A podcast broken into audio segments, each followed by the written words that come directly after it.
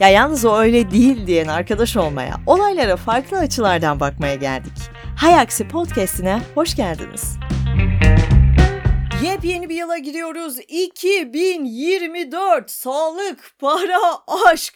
Ne istiyorsak getirecek şahane bir yıl olacak mı diye hemen oradan bir küçük soru geliyor. Hemen cevabını verip herkesin moralini tamamen sıfıra indirebiliriz. Hayır deme bak sakın deme. Olursa çok şaşırırım. Bak senin için yumuşattım bunu. Ee, olursa çok Daha şaşırırım. kötü oldu bu arada. Bilmem kaç bin yıldır bu dilekler yapılıyor mu? Yapılıyor yani herhalde yılları saymaya başladıklarından beri insanlar hep aynı şeyi söylüyordur. Bu yıl gelsin bütün güzellikler bana gelsin. Mucizevi bir kapı kapanıyor.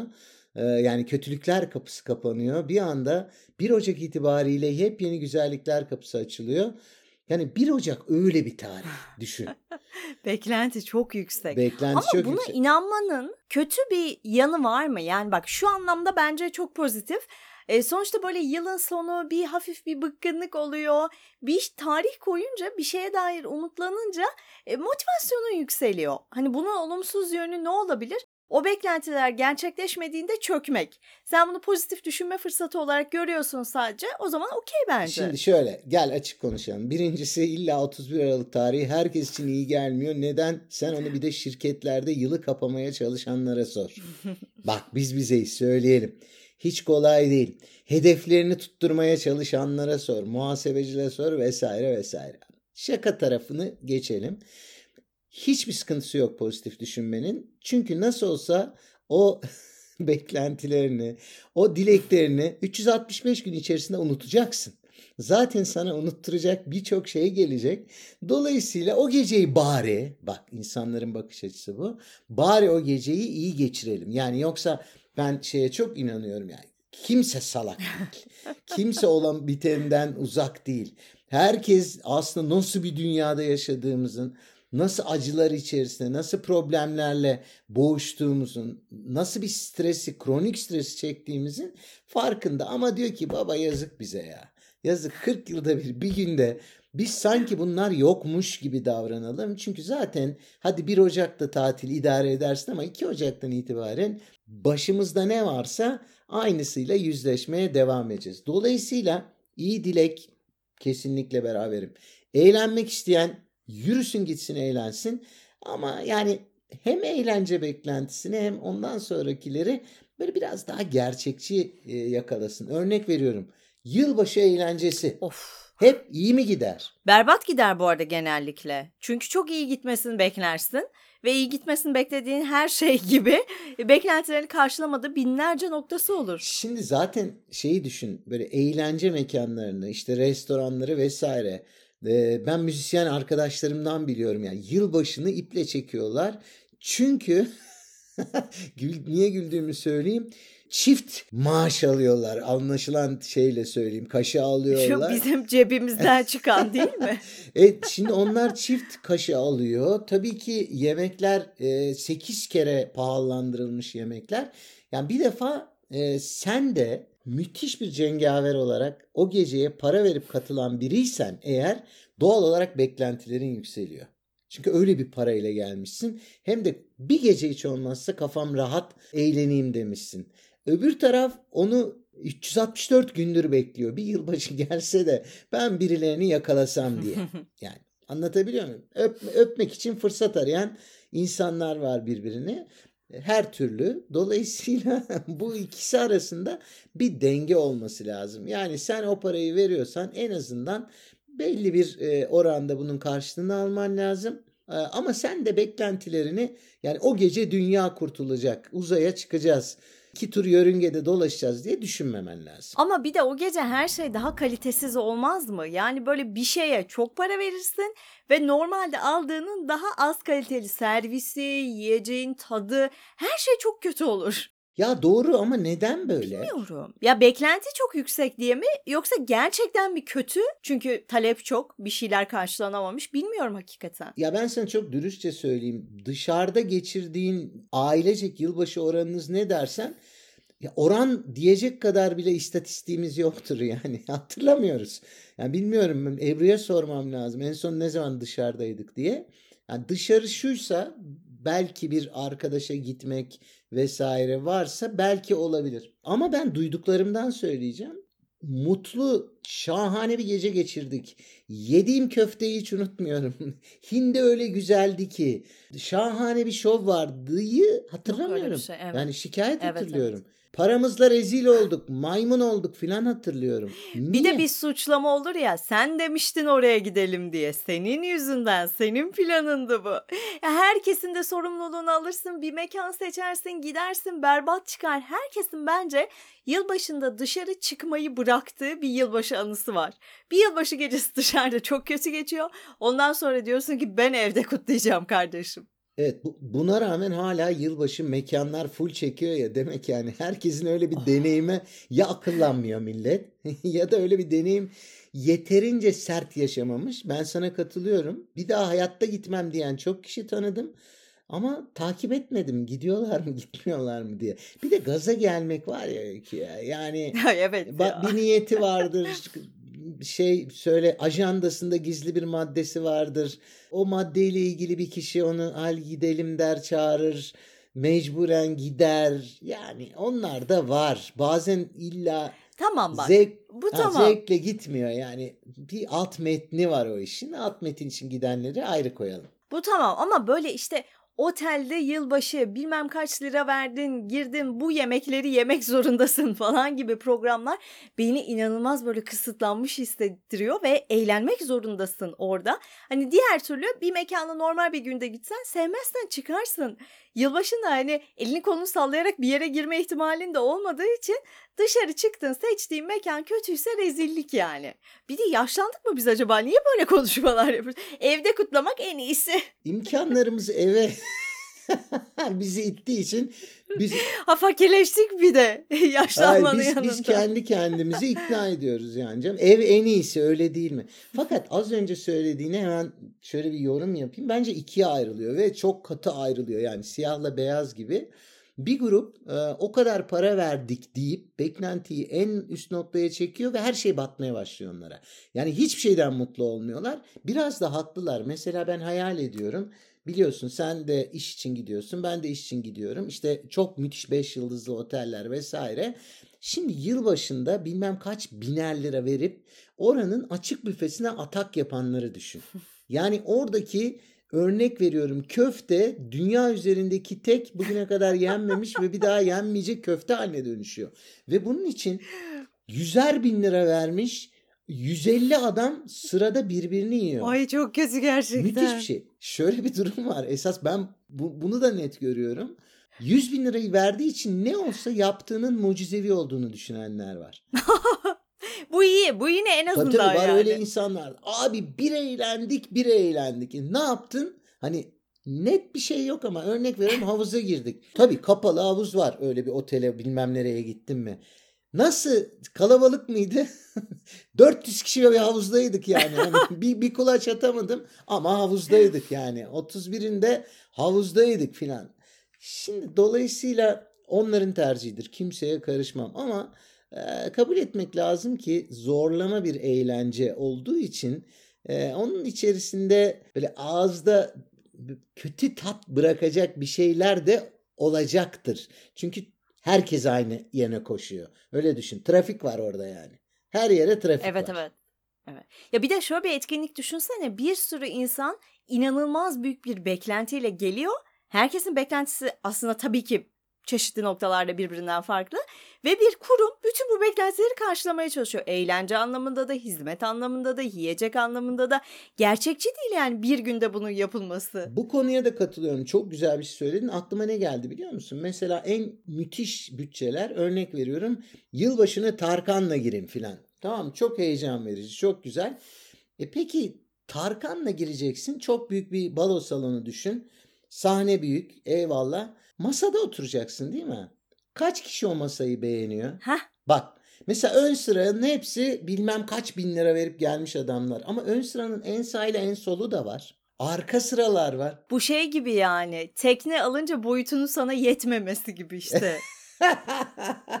yani orada bile sinirlenebilirsin. Anlatabiliyor muyum? Bir de herkese düşen garsonlar var. Şimdi o arkadaşların işi çok zor. Çok. 10-12 kişilik bir masaya bakacak. Bunlar jet hızıyla içecekler. Yani para verdiler şey çünkü. gibi yani birinci adama iç, iç içkisini koymaya başladı. Sekizinci adama geldiğinde birinci adam diyecek ki bitti. Ve 9'da söylenmeye başlayacak. Benimkini tazele filan. Tabii ki o diyecek ki dur bir şu masanın ya masanın sonuna geleyim filan.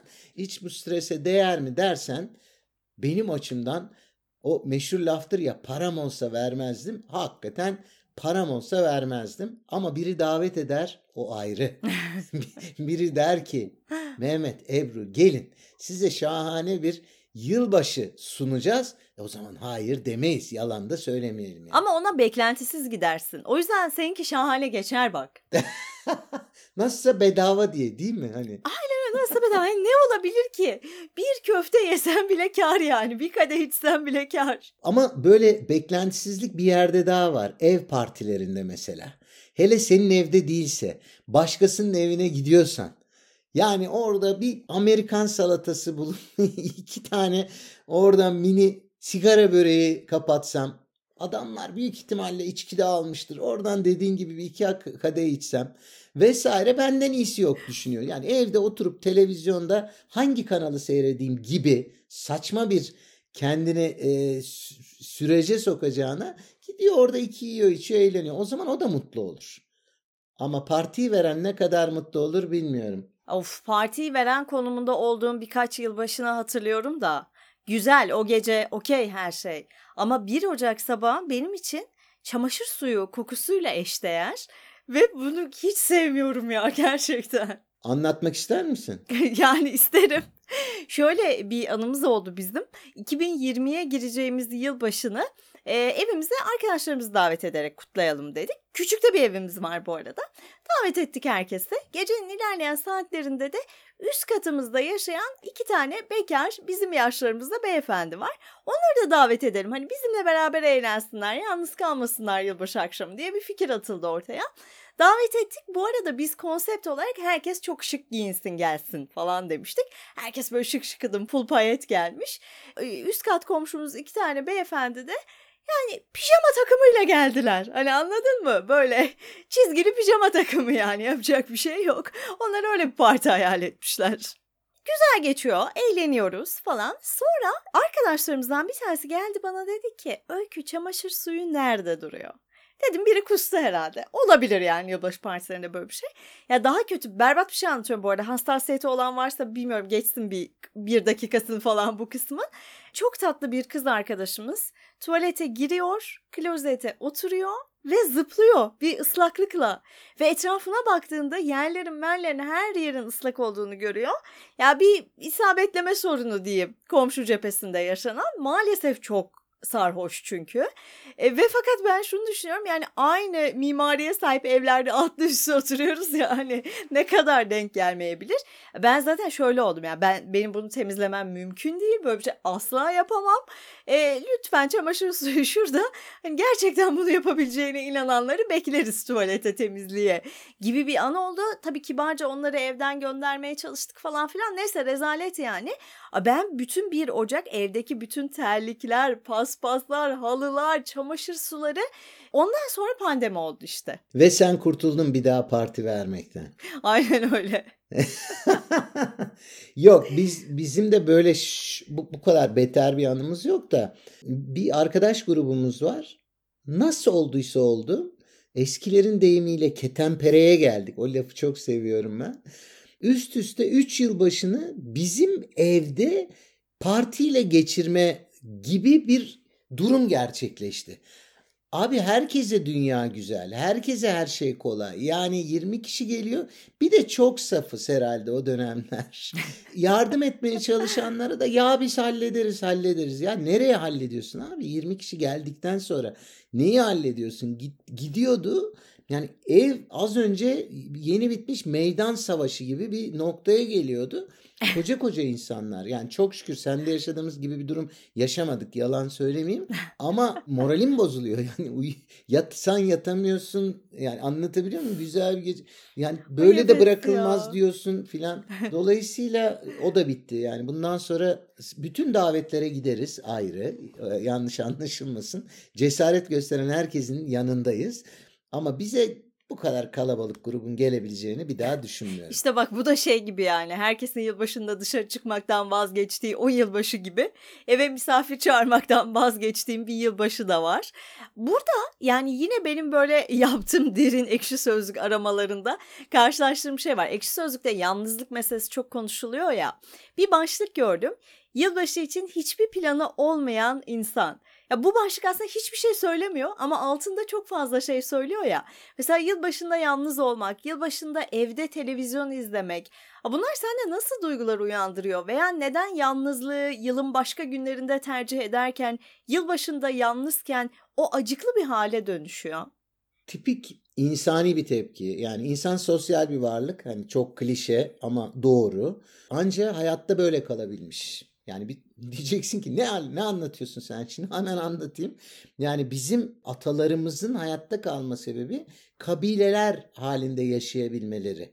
Hatta bununla ilgili teoriler vardır bilirsin. Diyelim sosyal medyada 5000 arkadaşım var yani hiç boşa 5000 arkadaş sana hiçbir şey ifade etmez. Anlamlı bir ilişki yürütebileceğin kişi sayısı maksimum örneğin 150'dir filan gibi araştırmalar yapılıyor. Bu da aynı mantık. Sonuç itibariyle 17 Kasım akşamını evde yalnız geçirmesi bir mesele değil. 3 Aralık'ı da değil ama herkesin bir araya geldiği bir akşam kendini kabile dışında dışlanmış hissedip aslında çok derinde ya ben hayatta kalamam yarın öbür gün bir şey olursa gibi bir endişe yatıyor. Yani yoksa eğlenmem lazım başka bir boyut yani başka bir kafa. Ama en derinde bu var. Fakat bence müthiş bir tercih sebebi. Bunu yapabilen kişilere de helal olsun. Çok da içten bunu söylüyorum. Çünkü bir sürü şeyin farkına varmış. Ee, yani atalarımız belki mağarada tek başına kaldıklarında ölüme doğru ilerleyebilirler ama günümüzün dünyasında en fazla e, ruhsal olarak bir çöküntü yaşarsın ama 2 Ocak tarihinden itibaren de çoktan aşarsın. Bu kafadaki kişileri de tebrik etmek lazım. Ne istediğini bilen insanlar.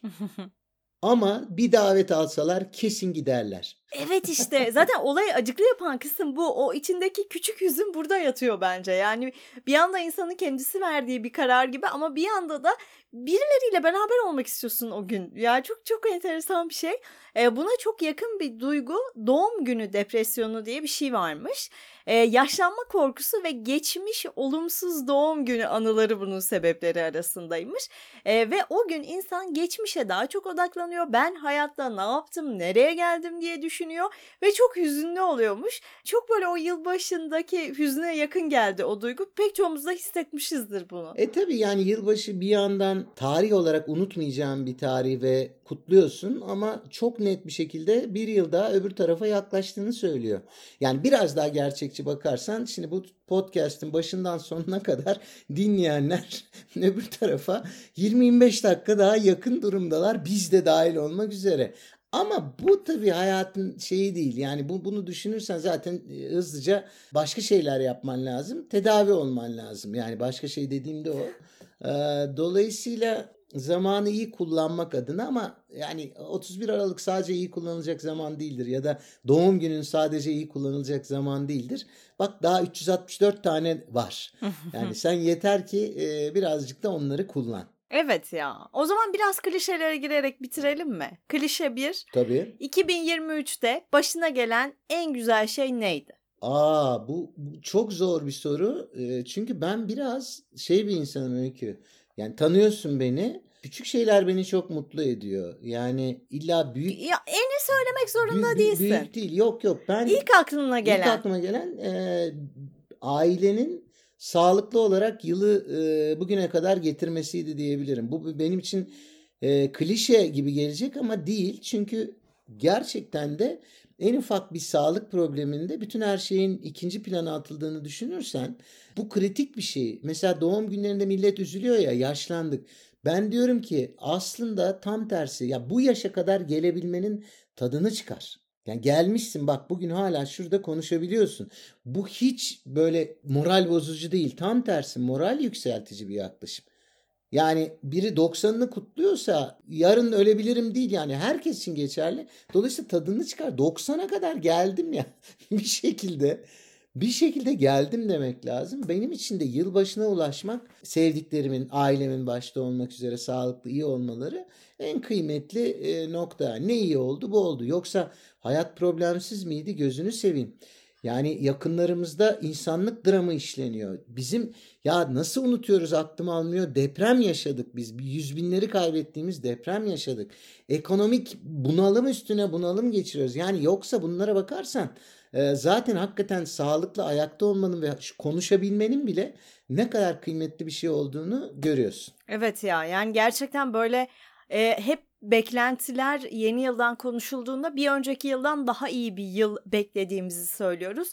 Gerçekten yani pandemiden sonra baktığımızda dünya olarak, Türkiye olarak karşılaştığımız zorluklar giderek artmakla beraber işte o şükretmemiz gereken şeylere dönüp bakmak için de bilmiyorum ya bir biraz vakit ayırmak gerekiyor herhalde.